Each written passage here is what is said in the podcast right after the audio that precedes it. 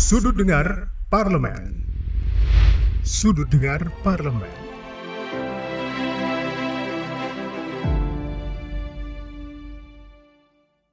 Halo, apa kabar pendengar radio dan penonton TV Parlemen? Kita jumpa lagi nih dalam program Sudut Dengar Parlemen. Podcast yang selalu memotret persoalan dari sudut dengar yang sebenarnya. Saya Nana kembali bersama Bimo. Kali ini akan mengajak Anda bicara tentang Undang-Undang Perlindungan Data Pribadi dan pembahasan analog switch off. Rancangan Undang-Undang Perlindungan Data Pribadi atau PDP telah disahkan pada rapat paripurna DPR RI tanggal 20 September 2022 lalu. RUU yang diinisiasi oleh DPR RI sejak tahun 2016 ini akhirnya bisa diselesaikan. Presiden Joko Widodo pun telah menandatangani undang-undang ini pada tanggal 17 Oktober tahun 2022 dengan memberi nomor 27 tahun 2022. Undang-undang ini akan menjadi payung hukum bagi para aparat penegak hukum untuk menindak tegas para pihak yang dengan sengaja menggunakan data pribadi milik orang lain untuk kepentingan sendiri. Hal-hal apa sajakah yang termasuk dalam perlindungan data pribadi? Nah, untuk mengetahui hal itu, kita akan berdiskusi dengan narasumber kita pada podcast Sudut Dengar Parlemen kali ini. Baik pendengar radio parlemen dan penonton TV parlemen, langsung saja kita saksikan podcast Sudut Dengar Parlemen bersama rekan saya Bima. Sudut Dengar Parlemen. Sudut Dengar Parlemen.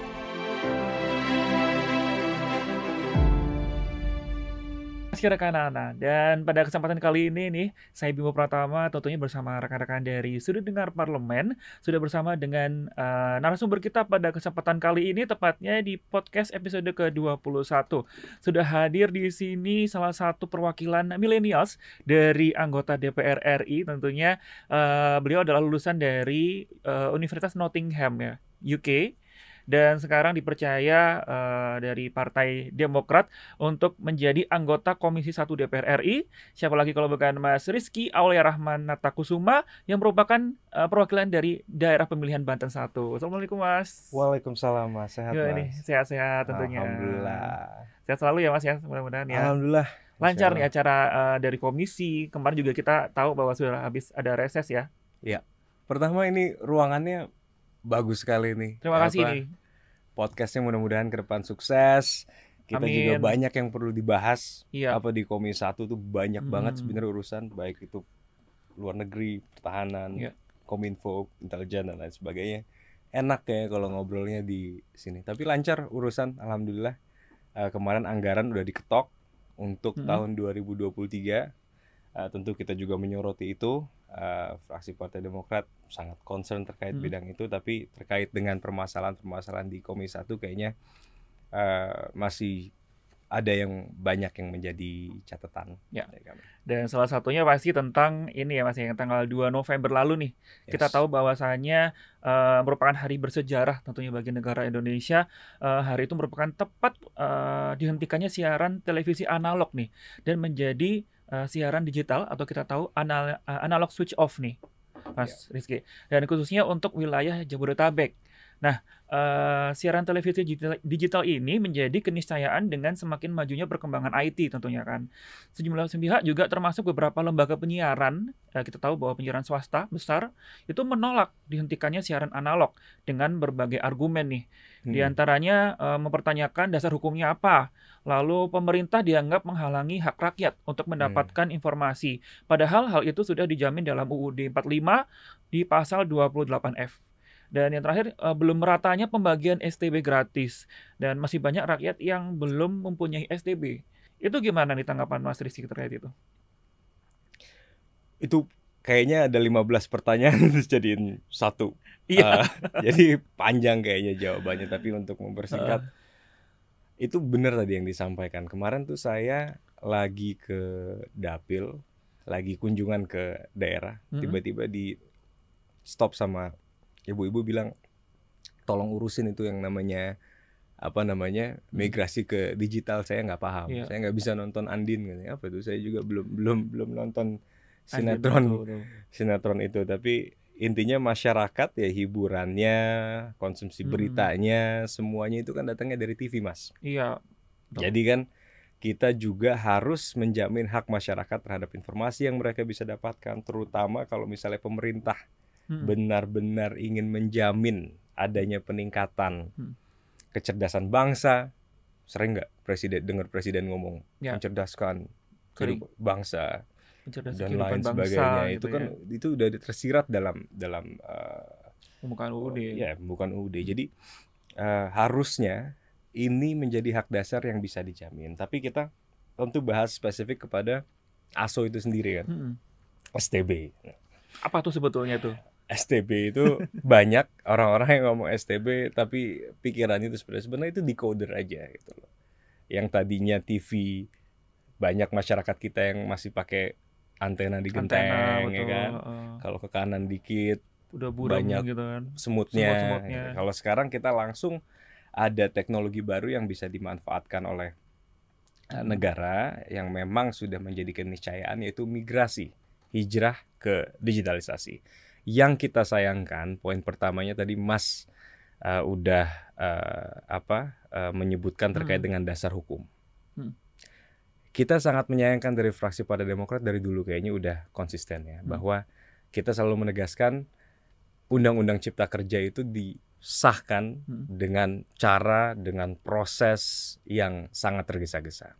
Ini Ya. salah satu buktinya, gitu loh, bahwa ASO ini dalam dua tahun di set deadlines-nya, komitmen dari lembaga-lembaga apa eh, penyiaran swasta Hmm. ditekankan dalam Ya. Undang-Undang Cipta Kerja itu artinya tidak memikirkan Hmm. atau tidak mempertimbangkan seluruh kepentingan dari stakeholders, kemampuan dan betul. lain sebagainya. Artinya apa? Belum ada planning yang jelas. Ya. Bukan hanya dari satu institusi atau in- instansi, Hmm. tapi pemerintahan secara uh, keseluruhan. Karena ini tugas berat pemerintah Hmm. untuk mempersiapkan untuk bisa memberikan uh, hak masyarakat untuk mendapatkan informasi uh, dengan baik. Jadi ini concern yang yang yang sangat uh, serius. Ya. Dan terkait tentang ini distribusi, distribusi lalu pengadaan itu menjadi salah satu hal yang paling apa ya yang paling krusial kan terkait dengan eh, keputusan ini nih Mas Rizky. Nah, gimana Komisi 1 menyikapi hal tentang distribusi dan juga pengadaan? Melihat bahwasannya ternyata tuh di daerah-daerah juga eh, pembagian STB gratisnya belum sangat belum rata gitu. Dan ada juga eh, oknum-oknum yang juga menjual nih bahkan. Ada menjual 100.000 ribu bahkan ada yang 200 sampai 300 ribu. Itu yang harus bisa ditindak di lapangan gitu loh. Itu yang harus bisa sebenarnya dimitigasi oleh oleh uh, pemerintah secara Mm-mm. khususnya. Pertama mungkin ada tiga poin. Pertama uh, terkait dengan uh, STB itu sendiri, set top box, decoder yang harus dimiliki masyarakat untuk Hmm. mengakses siaran digital. Uh, laporan yang kita dapat, masyarakat kalau nggak pakai STB kan nggak bisa nonton. Mm-mm. Laporan yang kita dapat itu dari LPS LPS di Komisi 1 Hmm. juga udah menggelar rapat dengar pendapat umum RDPU dengan dirut-dirut LPS itu penyelenggara multiplexing Hmm. Eh, yang apa namanya eh, di satu sisi mereka happy karena undang-undang eh, apa namanya terkait dengan ASO analog switch off ini terrealisasi tapi di sisi lain mereka juga keberatan karena sebelum ada undang-undang cipta kerja laporan yang kami dapat mereka hanya diwajibkan untuk pengadaannya saja gitu loh jadi setelah undang-undang cipta kerja itu disahkan Mm-mm. mereka diwajibkan untuk mendistribusi set top box itu ya. sendiri seperti yang kita tahu cost of production eh, Hmm. cost dari produksi pasti lebih murah jauh cost Hmm. of distribution pasti lebih lebih lebih mahal gitu distribution cost dan Ya. lain sebagainya jadi kita di satu sisi apresiasi juga Hmm. LPS LPS ini walaupun memang kalau secara data mereka belum memenuhi komitmen yang Hmm. mereka udah setujui Ya. tapi di sisi lain kita apresiasi untuk LPS LPS yang benar-benar memiliki komitmen dan membagikan STB itu kepada masyarakat secara baik. Eh, STB itu sendiri pun kami harapkan benar-benar bisa didistribusikan dengan baik, diterima kepada masyarakat Mm-mm. yang benar-benar memerlukan. Mm. Yang jadi pertanyaan banyak eh, tidak tepat sasaran dan juga banyak program-program yang sebenarnya kondisi kehidupan mereka sama, ada Mm-mm. ada dua tetangga misalnya ini. Kondisi kehidupannya sama, rumahnya sama, finansial secara finansial mereka Hmm. sama, punya TV juga, jadi termasuk masyarakat miskin dan punya TV, tapi yang satu dapat yang satu enggak. Ya. Nah, ini ada kecemburuan sosial dan lain sebagainya. Pasti ada ada permasalahan Mm-mm. seperti ini. Tapi yang kita harus bisa tekankan kepada pemerintah, Hmm. jangan sampai untuk kebijakan yang sangat esensial atau sangat penting seperti menjamin eh, hak dari masyarakat untuk mendapatkan informasi seperti ini, permasalahan-permasalahan Hmm. klasik itu bisa terulang. Ya.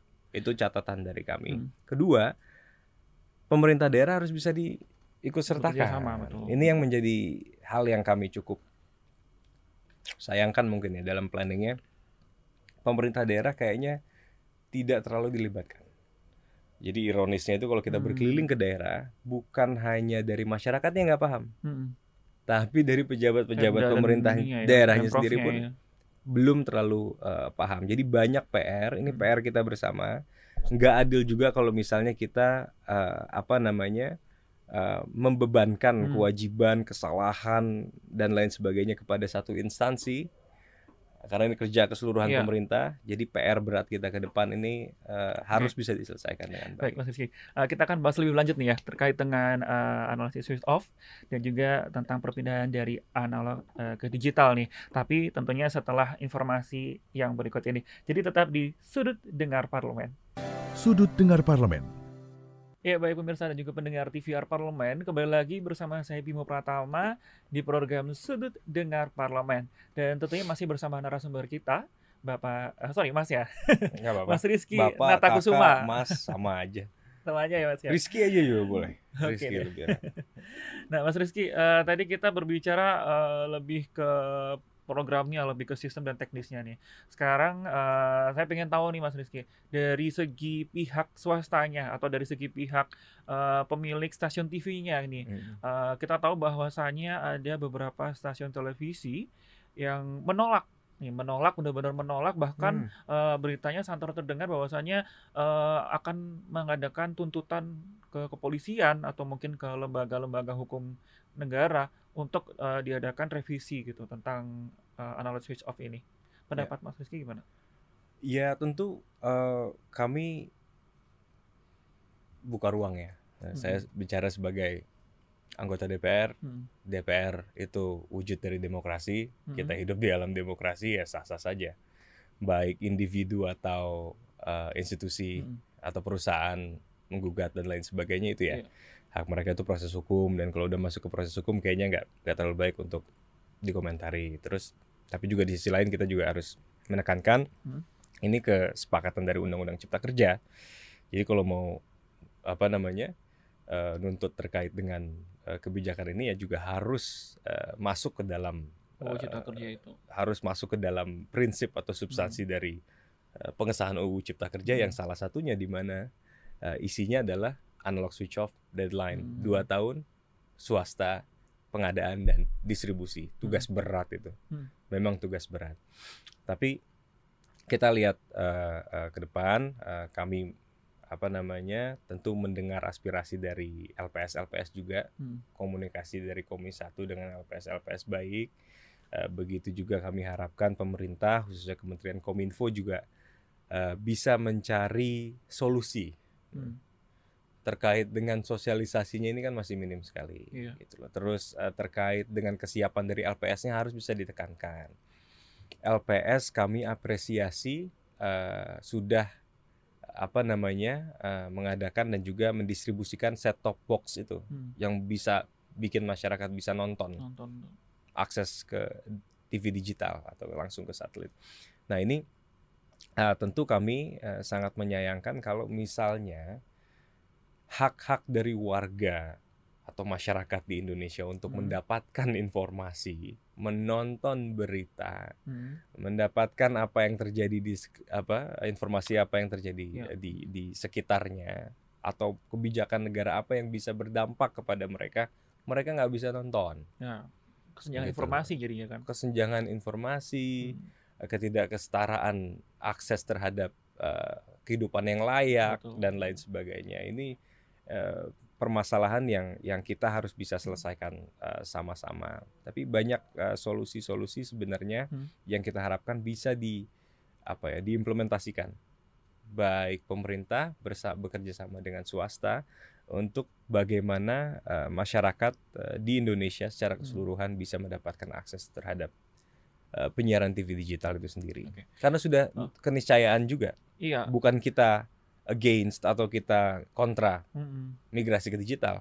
Ini udah keniscayaan, nggak mungkin Indonesia nggak migrasi ke digital. Itu pertama masyarakat harusnya paham dari dulu. Nah itu. El, Ini kan proses panjang. Kalau misalnya eh, apa namanya kita udah tahu prosesnya panjang, belajar dari Mm. apa best practice yang kuda- kita sudah lihat di eh, negara-negara lain, Mm. ya harusnya sosialisasinya harus bisa lebih jelas. Harus bisa dikatakan sama, sama pemeri- oleh pemerintah ter- kepada masyarakat Hmm. harusnya sejak dulu-dulu. One day satu Mhm. saat nanti dalam beberapa tahun ke depan kita akan migrasi ke digital. Siaran TV ka- Seluruh kalian Indonesia. akan mati kalau misalnya nggak migrasi ke digital. Bagaimana migrasi ke digital? Mm. Begini caranya. Itu harus bisa dituntun masyarakat. Nah, Mas Riki, melihat bahwasanya Indonesia ini harus eh, mutasi atau har- harus 100% berpindah ke ASO nih.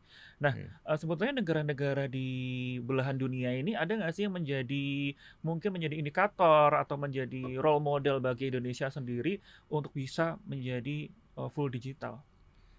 Em, yang bisa jawab detailnya sebenarnya expert ya. Mhm. Yang yang paham, peneliti terkait dengan Betul. hal ini. Secara umum mungkin ya. secara umum, Ya. tapi banyak yang disampaikan dalam rapat dengar pendapat umum, terus eh, komunikasi kita sama think tank, Mhm. pemerhati, pengamat dan lain sebagainya. Banyak negara-negara yang apa namanya eh, sukses dalam migrasi ke Nah, eh, digitalnya ini. Mhm. eh, contohnya seperti Jepang dan lain sebagainya. Ada catatan, ada, Mhm. tapi saya ragu eh, itu serta merta bisa diaplikasikan juga di di Indonesia ya. secara keseluruhan. Saya ragu di Jepang ada orang yang tinggal kampung di dalam kampung, akses jalan ke rumahnya rusak, Mhm. batu-batu bisa ya semua. digital ya. Hah, itu itu harus bisa pindah ke digital. Saya ragu kalau misalnya ngambil dari negara maju diaplikasikan ke sini Iya. agak agak sulit juga apalagi kita daerah kepulauan. Gimana itu? Orang voting aja, orang Mm-mm. KPU aja nih. Apa habis nyoblos TPS-nya dibawanya pakai kapal, pakai getek, Iya, pakai itu. Itu itu harus bisa kita pahami juga. Hmm. Tapi intinya harusnya baik pemerintah secara keseluruhan, lagi-lagi secara keseluruhan Hmm. dan swasta paham akan akan apa namanya eh, kenyataan ini gitu. Bahwa memang banyak kesulitan-kesulitan setiap kali ada pembagian apa namanya program pemerintah, Pemerintah, ya. terus juga eh, banyak sekali masyarakat yang eh, merasa banyak program-program pemerintah yang nggak tepat sasaran, tidak tersosialisasikan dengan baik, Hmm. nggak bisa mendapatkan hak primernya. Menurut saya hak Hmm. kepada informasi itu menjadi hak primer. Nah, kalau kita ingin mencerdaskan Betul. bangsa, pasti harus diberikan informasi yang yang baik. Kalau mereka nggak bisa mendapatkan informasi dan berdasarkan survei, mereka mendapatkan informasi dari TV, Hmm. artinya kita nggak menjamin dengan baik hak dari warga negara itu. Iya. Dan tugas dari pemerintah ya menjamin hak-hak dari dari Ya. warga negara. Jadi ini isu serius Ini serius sekali. pemerintah secara keseluruhan Hmm. eh, dan eh, kita harapkan bisa diselesaikan eh, ke depan. Semoga bisa segera terselesaikan ya Mas Riki. Mas- Dan eh, Mas Riki, eh, Mas Rizky sebelum sebelum kita eh, beralih ke tema selanjutnya nih ke topik eh, tentang perlindungan data pribadi nanti di segmen 3 eh, sebagai penutup dari tema kita pada eh, di ASO ini nih. Kita pengen tahu menurut Mas Rizky ini eh, positif negatifnya dari ASO ini dari sejauh Mas Rizky melihatnya seperti apa? Positifnya tentu Untuk Indonesia tentunya ya masyarakat Indonesia. Indonesia. Ya, tentu kita uh, ada dua poin utama sebenarnya yang menjadi nilai positif ya. Pertama, ini sudah keniscayaan, jadi kita nggak bisa nutup diri, mengisolasi, Mm-mm. biarin itu cerita-cerita baik terkait dengan digitalisasi dan lain sebagainya terjadinya di luar Indonesia aja. Mm-mm. Kita nggak usah ikut-ikutan, kita nggak ngambil approach itu, kita tetap hijrah Mm-mm. ke uh, digital. Ini menurut saya langkah yang tepat. Kita Tepat, setuju. ya. Pertama, kedua, yang sering diiming-imingkan Mm-mm. dari analog switch off ini, ini agak teknis tapi saya coba ringkas Hmm. se simple mungkin. Ya. Dengan adanya analog switch off, yang tadinya uh, masyarakat itu memakai analog hijrah ke digital, sering ada yang disebut dengan digital dividend.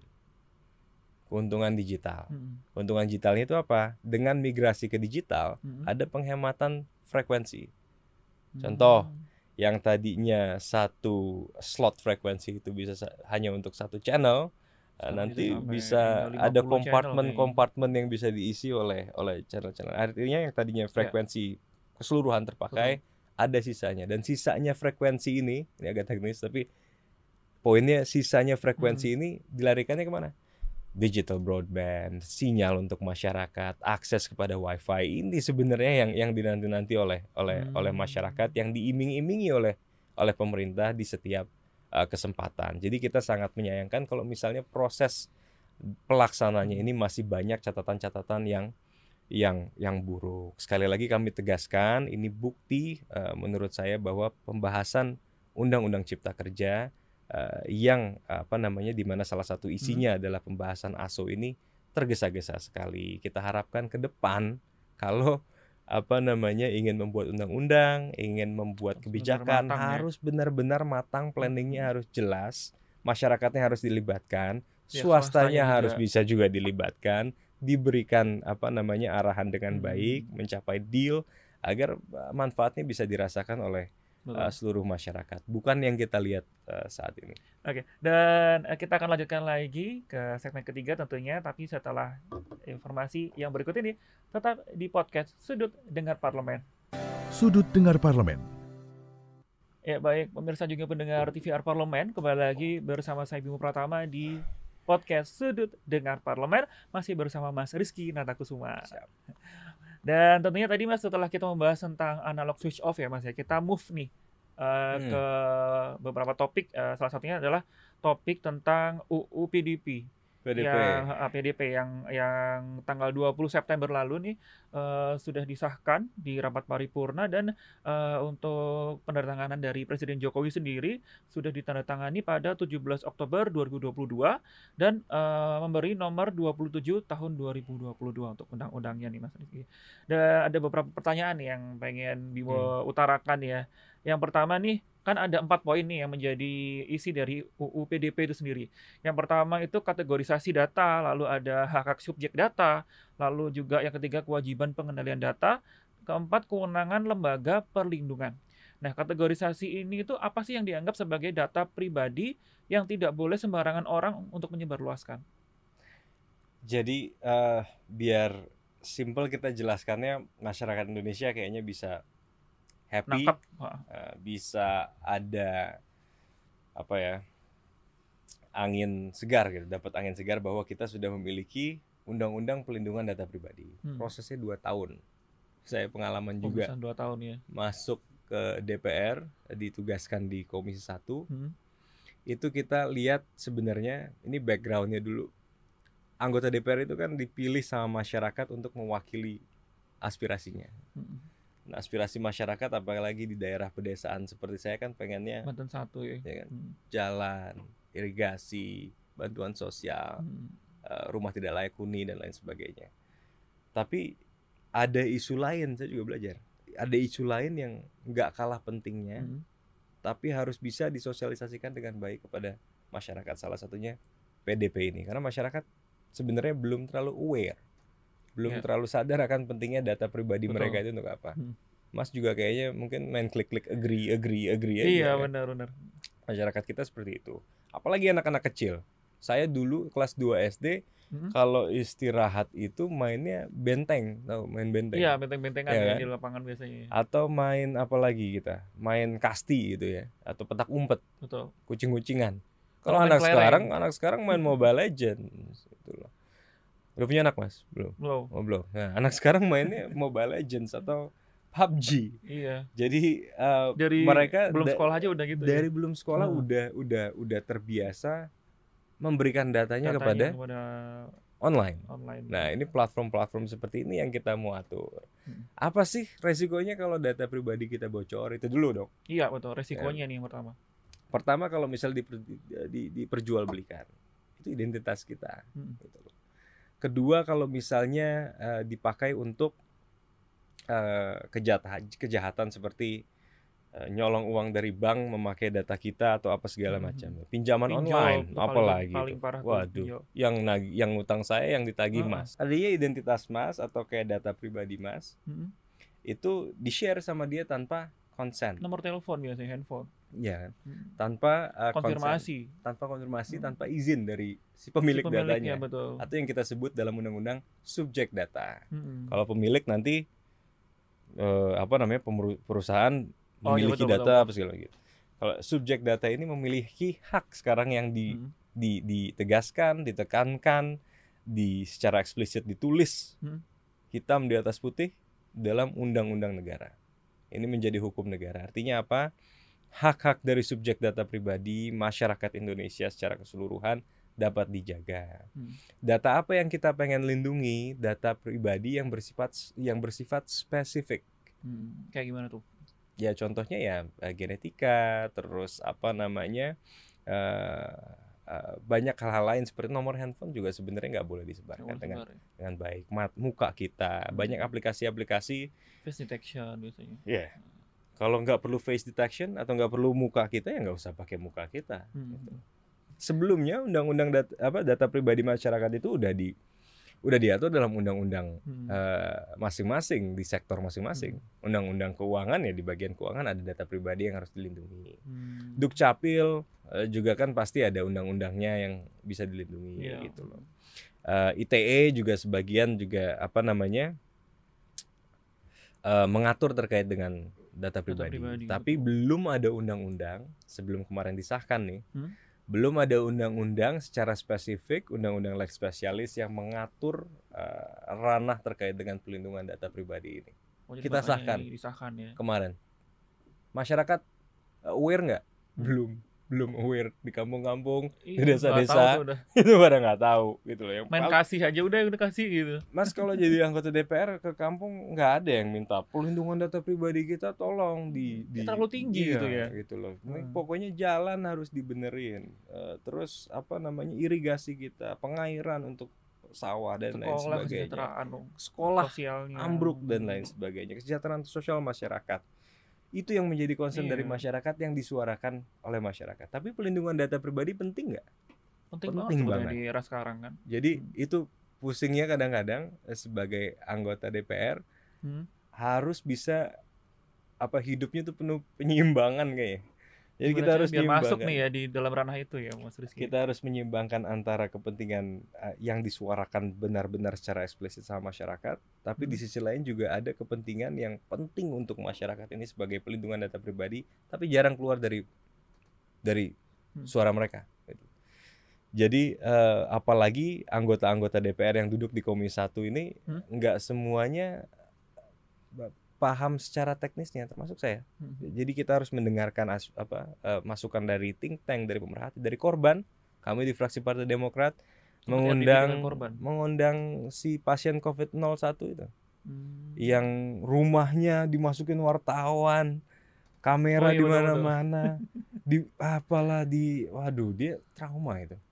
Ya banyak masalah-masalah seperti ini yang harus di disortir nggak baik juga. Nanti kalau Hmm. misalnya ada eh, apa namanya pelanggaran data pribadi baru kerasa deh eh, apa madaratnya. Jadi Ya. ini undang-undang penting yang alhamdulillah kemarin bisa diselesaikan. Prosesnya panjang, prosesnya lama. Salah satunya kenapa nanti Mas pasti tanya terkait dengan lembaga pengawas Betul, dan lain ya, ya. sebagainya. Itu itu itu yang yang yang menjadi kebanggaan tersendiri bahwa kita di Komisi Satu Hmm. berhasil bekerja sama dengan pemerintah tentunya Kementerian Kominfo untuk eh, menyelesaikan undang-undang pelindungan data pribadi yang urgensinya Ya. sangat jelas untuk masyarakat. Mas Rizky benar nih. Selanjutnya adalah eh, di UU tersebut ada lembaga pengawas data pribadi. Nah, siapa aja itu yang terlibat? Pertama mungkin udah jadi rahasia umum kan ya. Hmm. Kenapa undang-undang pelindungan data pribadi ini dibahasnya begitu panjang yang harus bisa diselesaikan satu tahun Jadi dua tahun. jadi dua tahun udah jadi rahasia umum ada perbedaan prinsip antara eh, DPR Hmm.